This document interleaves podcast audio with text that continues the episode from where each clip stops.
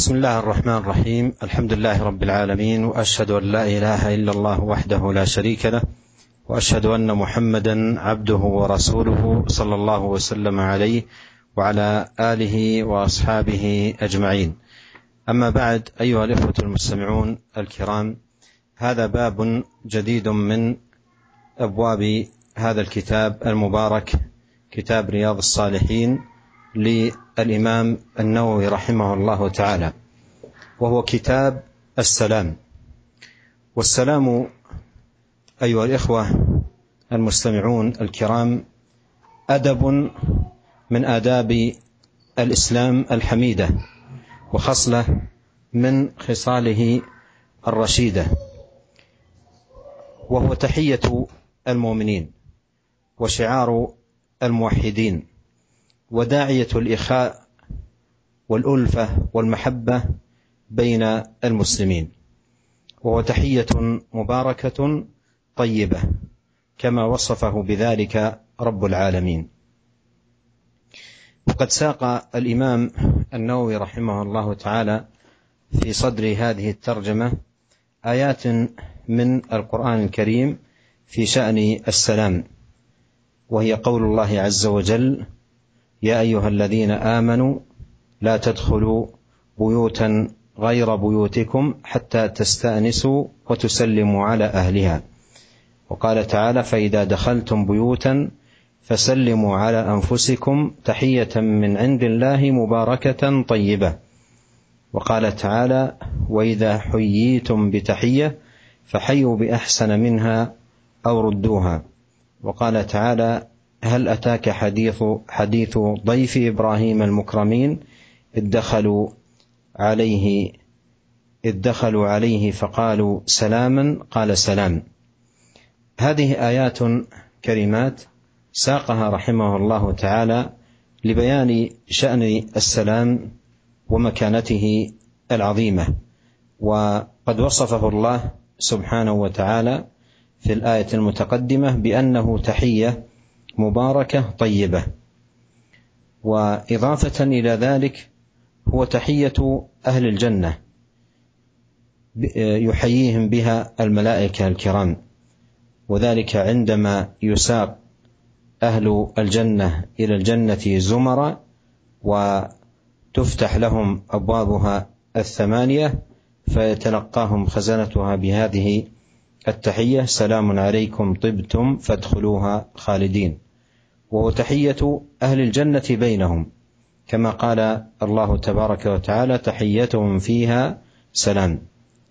ولهذا ينبغي على المسلم أن يعتني بهذه الشعيرة وأن يحرص على إفشاء السلام فهو داعية السلام وعنوان الإخاء ومعين على تقوية الرابطة والأخوة الإيمانية Beliau mengucapkan memuji Allah Subhanahu wa taala dan bersahadat bersaksi bahwa tidak ada ilah yang berhak disembah kecuali Dia dan bahwasanya Nabi Muhammad adalah hamba dan utusannya. Dan salawat dan salam kepada Rasulullah SAW, keluarganya dan seluruh para sahabatnya. Amma ba'd, kita memasuki bab yang baru kata beliau yaitu kitab salam.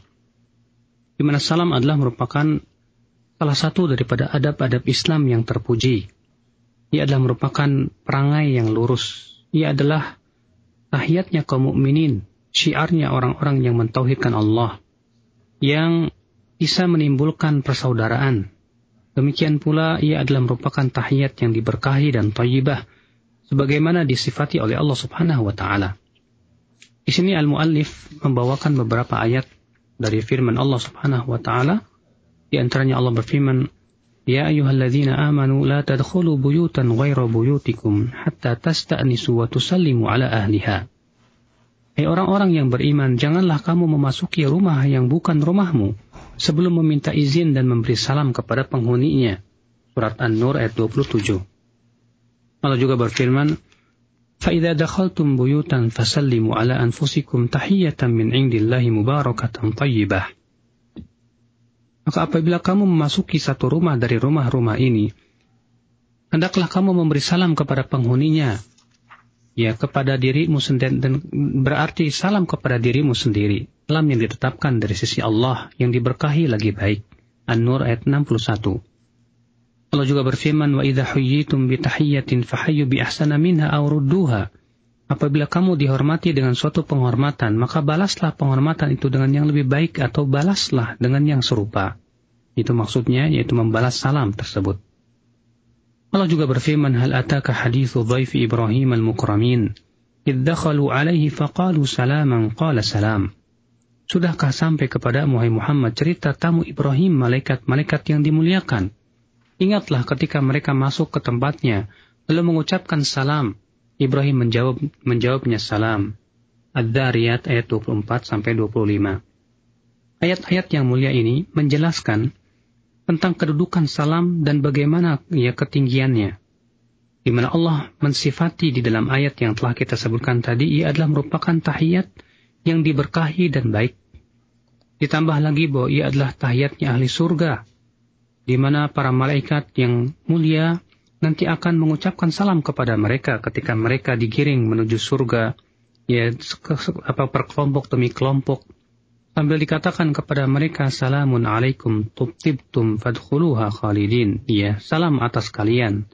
Ya kalian akan tetap di atas kebaikan dan masuklah kalian selama-lamanya. Dan kemudian para malaikat itu mengucapkan salam. Dan Allah juga menyebutkan demikian tahiyyatuhum fiha salam. Penghormatan mereka adalah dengan ucapan salam.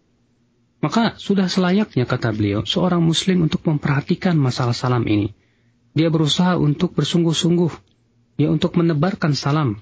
Ia adalah merupakan uh, sebab kuatnya persatu, persaudaraan, membantu untuk mengokohkan ya tali ikatan keimanan. قال رحمه الله تعالى عن عبد الله بن عمرو بن العاص أن رجلا سأل رسول الله صلى الله عليه وسلم أي الإسلام خير قال تطعم الطعام وتقرأ السلام على من عرفت ومن لم تعرف. متفق عليه. آه الآيات التي مرت معنا وهذا الحديث وما يتبعه من أحاديث كلها في باب فضل السلام والأمر بإفشائه.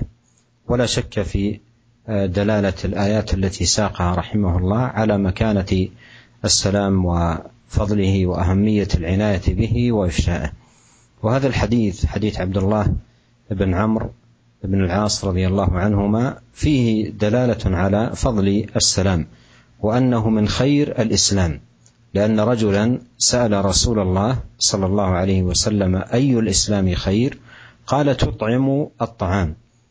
تطعم الطعام أي تقدمه للفقراء والمحتاجين عونا لهم وسدا لرمقهم وحاجتهم محتسبا أجر ذلك عند الله سبحانه وتعالى.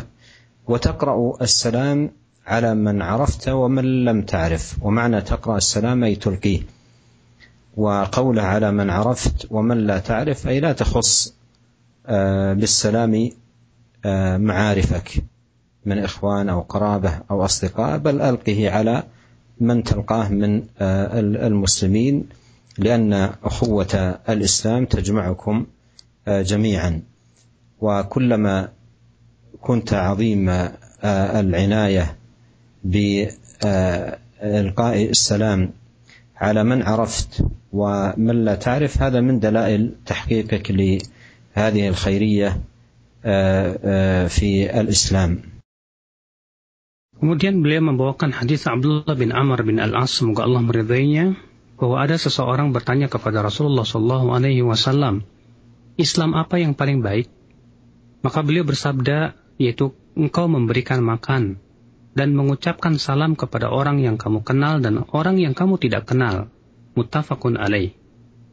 Ayat-ayat yang sudah kita sebutkan tadi dan hadis ini, ia menjelaskan tentang keutamaan salam dan tidak diragukan lagi ya bahwa ayat-ayat tadi menunjukkan kepada keagungan dan kedudukannya yang tinggi di dalam Islam. Dan hadis ini yaitu hadis Abdullah bin Amr bin Al-As menunjukkan kepada keutamaan salam dan bahwasanya itu adalah Islam yang paling baik. Ya, di mana Nabi Shallallahu alaihi wasallam Ya ditanya, Islam apa yang paling baik? Maka Rasulullah mengatakan, kamu memberikan makan. Artinya memberikan makan kepada fakir miskin. Ya, mereka membutuhkannya. Dengan kita mengharapkan pahalanya kepada Allah subhanahu wa ta'ala. Dan kamu mengucapkan salam, artinya engkau berikan salam kepada orang-orang yang kita kenal maupun yang tidak dikenal. Artinya, kita tidak khususkan kepada orang-orang yang kita kenal saja dari saudara-saudara kita atau teman-teman kita. Akan tetapi kita sampaikan kepada semua kaum muslimin yang ya karena kita semua itu diikat dengan persaudaraan Islam. Maka seseorang semakin memperhatikan pengucapan salam kepada siapa saja yang ia kenal maupun yang tidak dikenal itu menunjukkan bahwa ia betul-betul merealisasikan daripada apa yang diperintahkan oleh Allah ya berupa salam ini. Nah, Syekh. ويستفاد من قوله على من عرفت ومن لم تعرف أن الإسلام ليس من أجل مصالح خاصة يسلم الإنسان لأجلها كمصلحة القرابة أو مصلحة حاجيات الإنسان الدنيوية. كان يسلم على شخص لشيء يرجوه من ورائه أو نحو ذلك. وإنما السلام يراد به تحصيل المثوبة وتحقيق الألفة والتآخي بين المسلمين. ولهذا جاء الإسلام بالترغيب فيه والحث عليه ليس مخصوصا على معارف الانسان بل على من عرف ومن لم يعرف Dan diambil faidah dari sabda Rasulullah Shallallahu Alaihi Wasallam yaitu kamu ucapkan salam kepada orang yang kamu kenal maupun yang kamu tidak kenal. Itu menunjukkan bahwa Islam itu ya uh, tidak mengkhususkan maslahat-maslahat pribadi. Ya baik itu maslahat kekerabatan saja ataupun juga maslahat-maslahat dunia yang bersifat pribadi. Di mana seseorang mengucapkan salam kepada orang lain rupanya ada uh, udang di balik batu, ada yang diinginkan di balik itu. Akan tetapi mengucapkan salam itu hakikatnya adalah untuk menghasilkan pahala dari sisi Allah. Juga untuk merealisasikan dan ya, membentuk uh, persaudaraan yang kokoh. Ya, maka dari itulah Islam datang untuk memberikan motivasi kepada kaum muslimin untuk menebarkan salam ini untuk tujuan-tujuan yang mulia. قال رحمه الله تعالى وعن ابي هريره رضي الله عنه عن النبي صلى الله عليه وسلم قال لما خلق الله ادم صلى الله عليه وسلم قال اذهب فسلم على اولئك نفر من الملائكه جلوس فاستمع ما يحيونك فإنها تحيتك وتحية ذريتك. فقال السلام عليكم. فقالوا السلام عليك ورحمة الله. فزادوه ورحمة الله متفق عليه. هذا الحديث فيه دلالة أيها الإخوة الكرام أن هذا السلام الشرعي مأخوذ عن الملائكة الكرام بأمر من الله. أمر ربنا سبحانه وتعالى أبينا آدم أن يسلم عليهم وأن يستمع ما يحيونه به وأنه تحيته وتحية ذريته. فهذا السلام الذي يفشيه المسلمون بينهم هو مأخوذ من أبي الذرية آدم عليه السلام عن الملائكة الكرام. وهذا يبين لنا المكانة العظيمة للسلام والمنزلة العلية له. وبهذا نعلم الخطأ الكبير الذي يقع فيه كثير من الناس عندما يلقى أخاه أو قريبه أو صاحبه أو غير ذلك فيحييه مثلا صباح الخير أو مساء الخير أو أهلا وسهلا أو مرحبا أو غير ذلك من التحايا ويترك هذه التحية العظيمة التي هي متلقاة عن أبي الذرية عن الملائكة الكرام فكم ضيع هؤلاء الذرية وحرموا أنفسهم من هذا الخير العظيم الذي هو متلقى عن أبيهم آدم عليه السلام عن الملائكة الكرام عليهم السلام. Kemudian dari hadis Abu Hurairah, semoga Allah meridainya, ia berkata, Rasulullah Wasallam bersabda, Ketika Allah Subhanahu wa taala menciptakan telah menciptakan Nabi Adam alaihissalam, maka Allah berfirman, "Pergilah dan ucapkan salam kepada mereka dari malaikat-malaikat yang sedang duduk di sana." Dan dengarkan apa yang mereka jawab kepadamu, karena ia adalah merupakan tahiyatmu dan tahiyat keturunanmu. Maka Nabi Adam berkata, Assalamualaikum. Lalu para malaikat berkata, Assalamualaikum warahmatullah. Mereka pun kemudian menambah warahmatullah muttafaqun alaih. Hadis ini menunjukkan bahwasannya ya salam itu yang, disyari, yang disyariatkan ini diambil dari para malaikat dengan perintah Allah Subhanahu wa taala di mana Allah memerintahkan ayah kita yaitu Nabi Adam ya untuk mengucapkan salam kepada mereka dan mendengarkan apa yang dijawab oleh para malaikat. Sehingga itu menjadi tahiyat ya Nabi Adam dan tahiyat keturunannya sampai hari kiamat. Dan ini kata beliau, salam ini kalau begitu menunjukkan bahwa ia diambil dari Nabi Adam. Ayahnya manusia, ayahnya kita. Yang beliau ambil dari para malaikat. Dan ini menunjukkan akan keutamaan yang agung dan kedudukan yang tinggi ya di sisi Allah yang berhubungan dengan salam ini. Oleh karena itu kita mengetahui kesalahan yang besar ya. Ketika seseorang bertemu dengan saudaranya atau teman-temannya, Lalu ia mengucapkan tahiyat dengan ucapan sobahul khair, selamat pagi, selamat sore, atau ahlan wasahlan atau marhaban, tanpa ia mengucapkan salam. Dan ia tinggal pun tinggalkan ucapan yang mulia ini, padahal salam itu diambil dari para malaikat, ya. Padahal itu adalah merupakan perkara yang baik, ya, sehingga karena itu banyak orang yang terhalang dari kebaikan ini, ya dari salam yang diambil dari malaikat yang mulia. رحمه الله تعالى عن ابي عماره البراء بن عازب رضي الله عنهما قال امرنا رسول الله صلى الله عليه وسلم بسبع بعياده المريض واتباع الجنائز وتشميت العاطس ونصر الضعيف وعون المظلوم وافشاء السلام وابرار المقسم متفق عليه. هذا لفظ إحدى روايات البخاري. وهذه السبع المذكورات في هذا الحديث كلها حقوق للمسلم على أخيه المسلم. وذكر من جملتها وهو موضع الشاهد إفشاء السلام.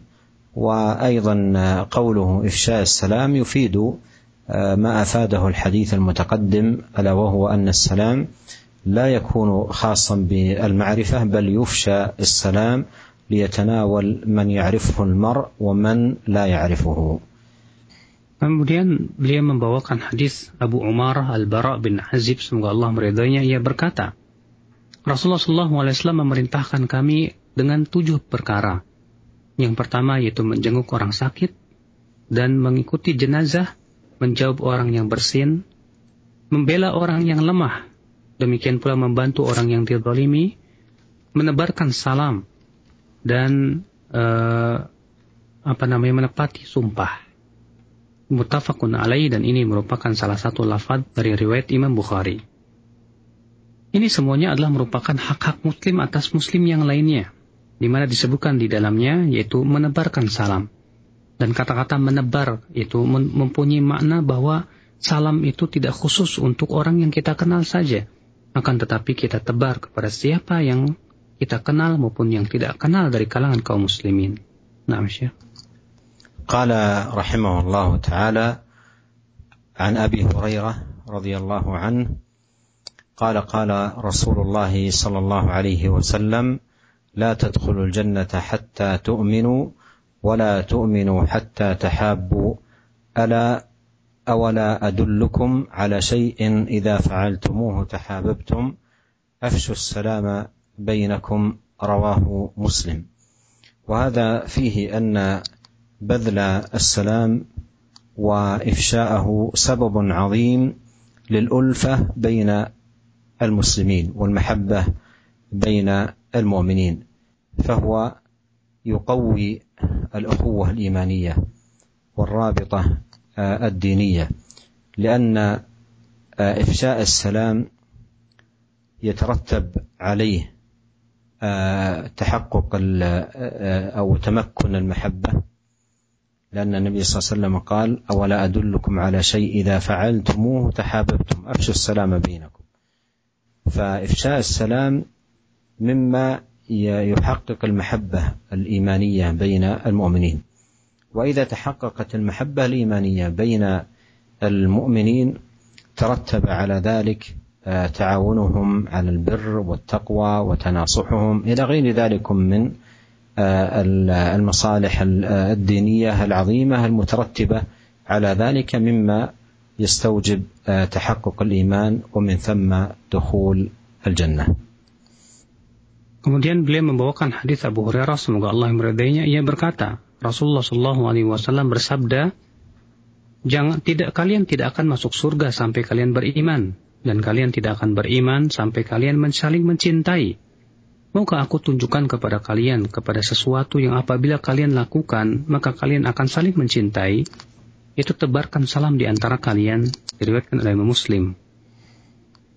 Hadis ini menunjukkan bahwa menebarkan salam adalah merupakan sebab yang agung, ya, eh, munculnya rasa cinta di antara kita di mana ia memperkuat ukhuwah Islamiyah, ukhuwah imaniyah dan ikatan agama.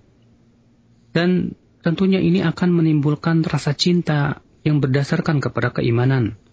Karena Nabi Shallallahu Alaihi Wasallam bersabda, ya, "Idza fa'altumuhu tahabbtum," apabila kalian melakukan itu, kalian akan saling mencintai.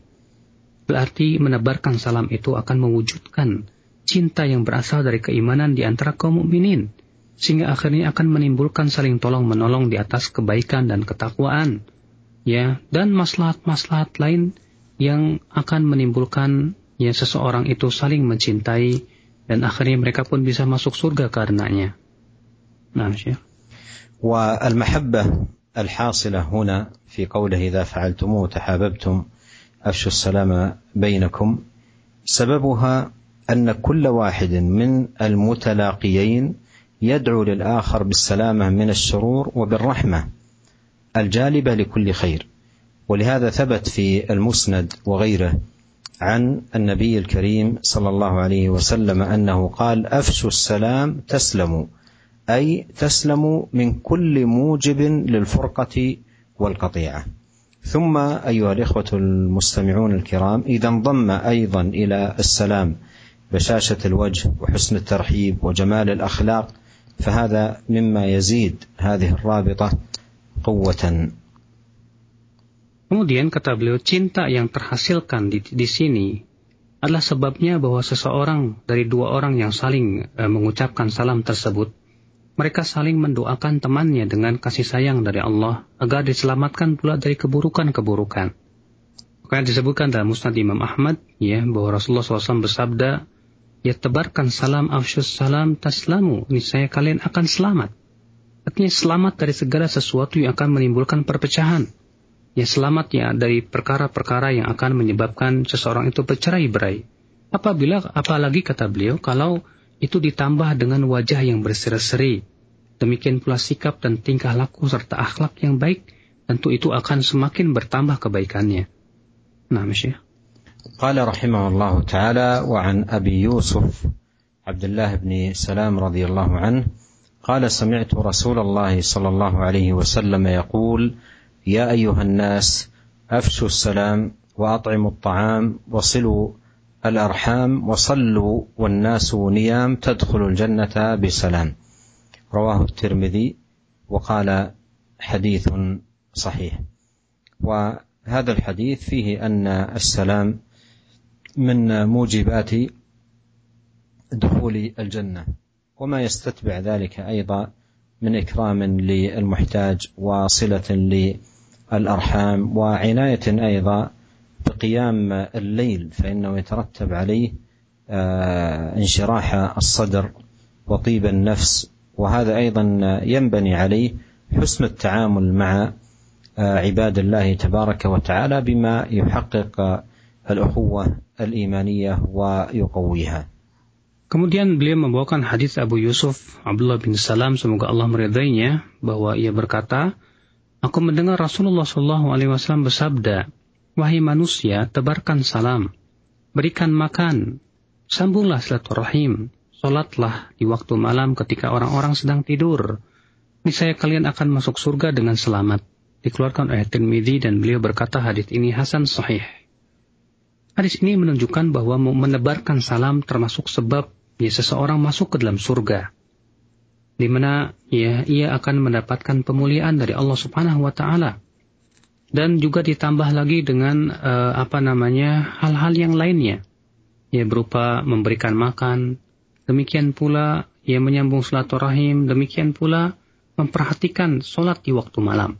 Itu semuanya akan menyebabkan lapangnya dada kita Apalagi disertai dengan muamalah dan uh, tingkah laku kita akhlak yang baik. Tentu itu semua akan yang mewujudkan sebuah ikatan yang sangat kuat, ya kata beliau. قال رحمه الله تعالى وعن الطفيل ابن أبي بن كعب أنه كان يأتي عبد الله بن عمرو بن عمر فيغدو معه الى السوق قال فاذا غدونا الى السوق لم يمر عبد الله على سقاط ولا صاحب بيعة ولا مسكين ولا أحد إلا سلم عليه. قال الطفيل فجئت عبد الله بن عمر يوما فاستتبعني إلى السوق. أي طلب طلب مني أن أتبعه إلى السوق. فقلت له ما تصنع بالسوق؟ وأنت لا تقف على البيع ولا تسأل عن السلع ولا تسوم بها ولا تجلس في مجالس آه، السوق وأقول اجلس بنا ها هنا نتحدث. فقال يا أبا بطن وكان الطفيل ذا بطن إنما نغدو من أجل السلام فنسلم على من لقيناه. رواه مالك في الموطأ بإسناد صحيح. والسقاط هو الذي يبيع سقط المتاع وهو رديء المتاع. الشاهد أن ابن عمر كان يخرج آه، إلى السوق دون أن يكون بحاجة إلى شراء شيء آه، إلا لإلقاء السلام على إخوانه المسلمين إفشاء له وتحقيقا لهذا آه، هذه الشعيرة العظيمة من شعائر الإسلام. وبهذا الأثر المبارك ختم رحمه الله تعالى هذا الباب المتعلق بفضل السلام. Kemudian beliau membawakan hadis At-Tufail bin Ubay bin Ka'ab bahwasanya ia mendatangi Abdullah bin Umar. Lalu Abdullah bin Umar pun pergi bersamanya menuju pasar. Ia berkata, ya ketika kami telah pergi ke pasar, Abdullah bin Umar tidaklah melewati orang yang menjual barang-barang rongsokan, tidak pula ya orang yang menjajakan dagangannya, tidak pula orang yang miskin, tidak pula seorang pun kecuali beliau mengucapkan salam kepadanya. Berkata At-Tufail, aku mendatangi Abdullah bin Umar pada suatu hari. Lalu kemudian ya apa namanya dia mengajakku kembali pergi ke pasar. Kemudian aku berkata, apa yang kau lakukan di pasar? Sementara engkau tidak berjual beli, engkau pun juga tidak bertanya tentang e, barang dagangan, engkau pun tidak tawar menawar, dan engkau pun juga tidak duduk di majlis-majlis pasar. Maka aku berkata dan aku berkata, duduklah bersama kami di sini, kita berbicara saja. Maka ya Abdullah bin Umar berkata, wahai Abu Batan, wahai bapaknya perut, ya adalah tufail itu mempunyai perut yang cukup besar. Sesungguhnya kita itu kita pergi ke pasar itu hanya untuk mengucapkan salam saja. Kami kita akan ucapan salam kepada orang-orang yang bertemu dengan kita. Dan kata beliau, hadis ini menunjukkan bahwa Abdullah bin Umar keluar menuju pasar tanpa ada keperluan untuk berjual beli sama sekali, kecuali untuk menebar salam saja. Dan tentunya beliau hal ini ya untuk merealisasikan syairah ataupun syiar Islam yang besar ini. Dan dengan asar ini, ya Imam Nawawi rahimahullah menutup bab tentang keutamaan salam ini. Nah, Syekh. ولا يزال ثمة أبواب تتعلق بالسلام نؤجلها إلى اللقاء القادم بإذن الله سبحانه وتعالى. Kata beliau, masih banyak lagi beberapa bab yang berhubungan tentang masalah salam ini, namun kita tunda ya pembahasannya pada pertemuan yang akan datang insya Allah. Jazakallah khair kami ucapkan pada Syekh Darazak, Allah Ta'ala dan Lalu Ustaz Abu Yahya, Salam atas terjemahan yang beliau sampaikan. Masih ada sisa waktu bagi kita untuk mengangkat pertanyaan yang uh, para pendengar sampaikan melalui pesan singkat. Kami angkat pertanyaan berikutnya, atau pertanyaan yang pertama dari pesan singkat. Assalamualaikum warahmatullahi wabarakatuh. ya Syekh. Apakah hukumnya ketika seseorang mengucapkan salam akan tapi kita tidak dapat atau belum mampu menjawabnya karena ada satu dan satu dua kesibukan, akhirnya kita lupa dan lalai. Mohon penjelasannya jazakallahu khair.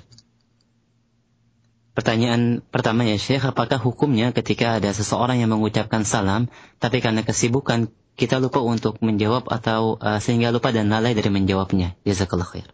السائل يقول الشيخ إذا كان أحد يسلم علينا ونحن نشتغل بالشيء حتى إننا لا نستطيع أن نرده بسبب اشتغالنا أو النسيان فما هو الحكم في ذلك أما إذا كان العذر هو النسيان بحيث أنه مثلا كان ساهيا أو منشغلا فلم ينتبه فلا حرج عليه لأن الله سبحانه وتعالى آه، يقول كما في الآيات الكريمات في سورة آه، خواتيم سورة البقرة ربنا لا تؤاخذنا إن نسينا أو أخطأنا قال الله قد فعلت. وفي الحديث رفع عن أمتي الخطأ والنسيان. فإذا كان الأمر عن نسيان أو سهو أو لم ينتبه فلا حرج عليه في ذلك. أما أعمال الإنسان ليست معطلة أو شاغلة له عن رد السلام بل يحرص على رد السلام والعناية بذلك عناية دقيقة. Kata beliau, apabila memang udurnya itu karena lupa atau karena kesibukan, maka itu sebetulnya tidak apa-apa. Karena Allah Ta'ala berfirman dalam Surat Al-Baqarah, Rabbana la tu'akhidna in nasina au akhta'na au akhta'na. Wahai Rabb kami, jangan engkau berikan kepada kami sanksi jika kami lupa atau kami salah tidak sengaja. Lalu Allah berfirman, aku telah melakukan itu. Dan disebutkan dalam hadis juga, Rufi'an an ummati al-khata' wa nisyan wa mastukrihu alaih, ya, diangkat dosa dari umatku, yaitu kesalahan akibat daripada uh, apa namanya tidak disengaja, demikian pula lupa, demikian pula sesuatu yang dipaksa. Dan sebetulnya kata beliau bahwa kesibukan seseorang berupa perbuatan-perbuatan ataupun pekerjaan-pekerjaan jangan sampai itu menyebabkan kita ya kita apa namanya lalai daripada menguj- mem- mem- apa, membalas salam. Karena sebetulnya membalas salam itu sesuatu yang ringan kata beliau dan keutamaannya juga agung. Jazakallah khair ya Syekh. Dan pertanyaan berikutnya dari pendengar kita di Jakarta. Assalamualaikum warahmatullahi Ya Syekh menjawab salam hukumnya wajib. Bagaimanakah apabila seorang yang non-muslim mengucapkan salam kepada kita, apa yang harus kita ucapkan? Jazakallah khair. السائل يقول يا شيخ إذا كان واحد من الكفار يسلم علينا فماذا نجيب به ورد في الحديث عن نبينا الكريم صلى الله عليه وسلم آه، أنه قال لا تبدأوا اليهود والنصارى بالسلام. لا تبدأ اليهود والنصارى بالسلام. فمن الأحكام أحكام السلام ألا يبدأ ألا يبدأ غير المسلم بالسلام أي بهذه التحية السلام عليكم أو السلام عليكم ورحمة الله. وأما إذا بدأوا هم بالسلام أي بهذه التحية قالوا آه، السلام عليكم فإنه يكتفى بالرد عليهم بأن يقال وعليكم. وذلك لما جاء في الصحيحين أن رسول الله صلى الله عليه وسلم قال إذا سلم عليكم أهل الكتاب فإنما يقول أحدهم السلام عليكم فقل وعليكم. وأما بدءهم بتحية غير السلام علي عليكم كان يقول مثلا كيف حالك وكيف أصبحت أو عساك بخير أو نحو ذلك. فلا بأس بذلك ولا سيما إن كان المراد بذلك تألفه للإسلام. Kata beliau telah ada di dalam hadis disebutkan bahwa Nabi Shallallahu Alaihi Wasallam bersabda, Jangan kalian memulai orang Yahudi dan Nasrani dengan mengucapkan salam. Ya, ini menunjukkan bahwa tidak boleh kita mem memulai mengucapkan salam kepada orang-orang Yahudi dan Nasrani, demikian pula orang-orang kafir yang lainnya. Adapun kalau mereka memulai kita dengan ya dengan mengucapkan salam, maka pada waktu itu kita ucapkan saja cukup dengan mengatakan waalaikum. Sebagaimana disebutkan dalam Sahihain, apa ya di mana Rasulullah sabda apabila salah seorang dari kalian apabila salah seorang dari ahli kitab mengucapkan salam kepada kalian Sesungguhnya ia sebetulnya mengucapkan Assalamualaikum, yaitu kematian atas kalian. Maka hendaklah kalian jawab dengan ucapan Waalaikum. Adapun kata beliau, apabila mereka memulainya dengan selain salam, seperti mengatakan bagaimana keadaan kalian. Artinya kalau kita memulai dengan mereka, ketika kita bertemu dengan mereka, lalu kita memulainya dengan ucapan-ucapan selain salam. Ya seperti kita katakan bagaimana kabar kamu, atau selamat pagi, ataupun yang lainnya, yang itu bukan salam, maka itu tidak apa-apa kata beliau ya apalagi kalau ternyata itu untuk apa namanya uh, mengambil simpatik mereka. Nah. Jazakallah khair ya Syekh dan satu pertanyaan terakhir kami angkat di kesempatan sore hari ini Bagaimanakah hukum menjawab salam dan mengucapkannya ketika seorang berada di dalam kamar mandi ya Syekh? Jazakallah khair. Akhir ya Syekh. As-sa'il yaqul ma huwa hukmu uh, at-taslim fil hammam? هل هو جائز أم لا؟ إلقاء السلام على من هو في الحمام أو كذلك من هو في الحمام أن يلقي السلام على من هو خارجه ليس بمشروع لأن وقت قضاء الحاجة ومكان قضاء الحاجة الذي هو مكان مستقذر ليس مكانا لذكر الله سبحانه وتعالى Kata beliau, baik ya kepada orang yang ada di dalam kamar mandi ataupun yang di, dalam kamar mandi mengucapkan kepada yang di luar, itu tidak disyariatkan kata beliau. Karena waktu ketika kita membuang hajat, itu bukanlah waktu yang tepat ya dan waktu yang baik ya untuk apa namanya e, berzikir kepada Allah karena itu adalah tempat-tempat yang kotor ya tempat-tempat yang tidak disyariatkan padanya mengingat Allah Subhanahu wa taala. جزاك الله خير على هالإجابة يا شيخ ونرجو من فضيلتكم الاختتام أسأل الله عز وجل أن يوفقنا أجمعين للعلم النافع والعمل الصالح وأن يهدينا أجمعين إليه صراطا مستقيما إنه تبارك وتعالى سميع الدعاء وهو أهل الرجاء وهو حسبنا ونعم الوكيل Aku mohon kepada Allah, kata beliau, agar Allah memberikan kepada kita ilmu yang bermanfaat dan amalan yang soleh, dan agar kita diberikan hidayah kepada jalan yang lurus, dan sesungguhnya kepada Allah lah tempat bergantung pengharapan kita.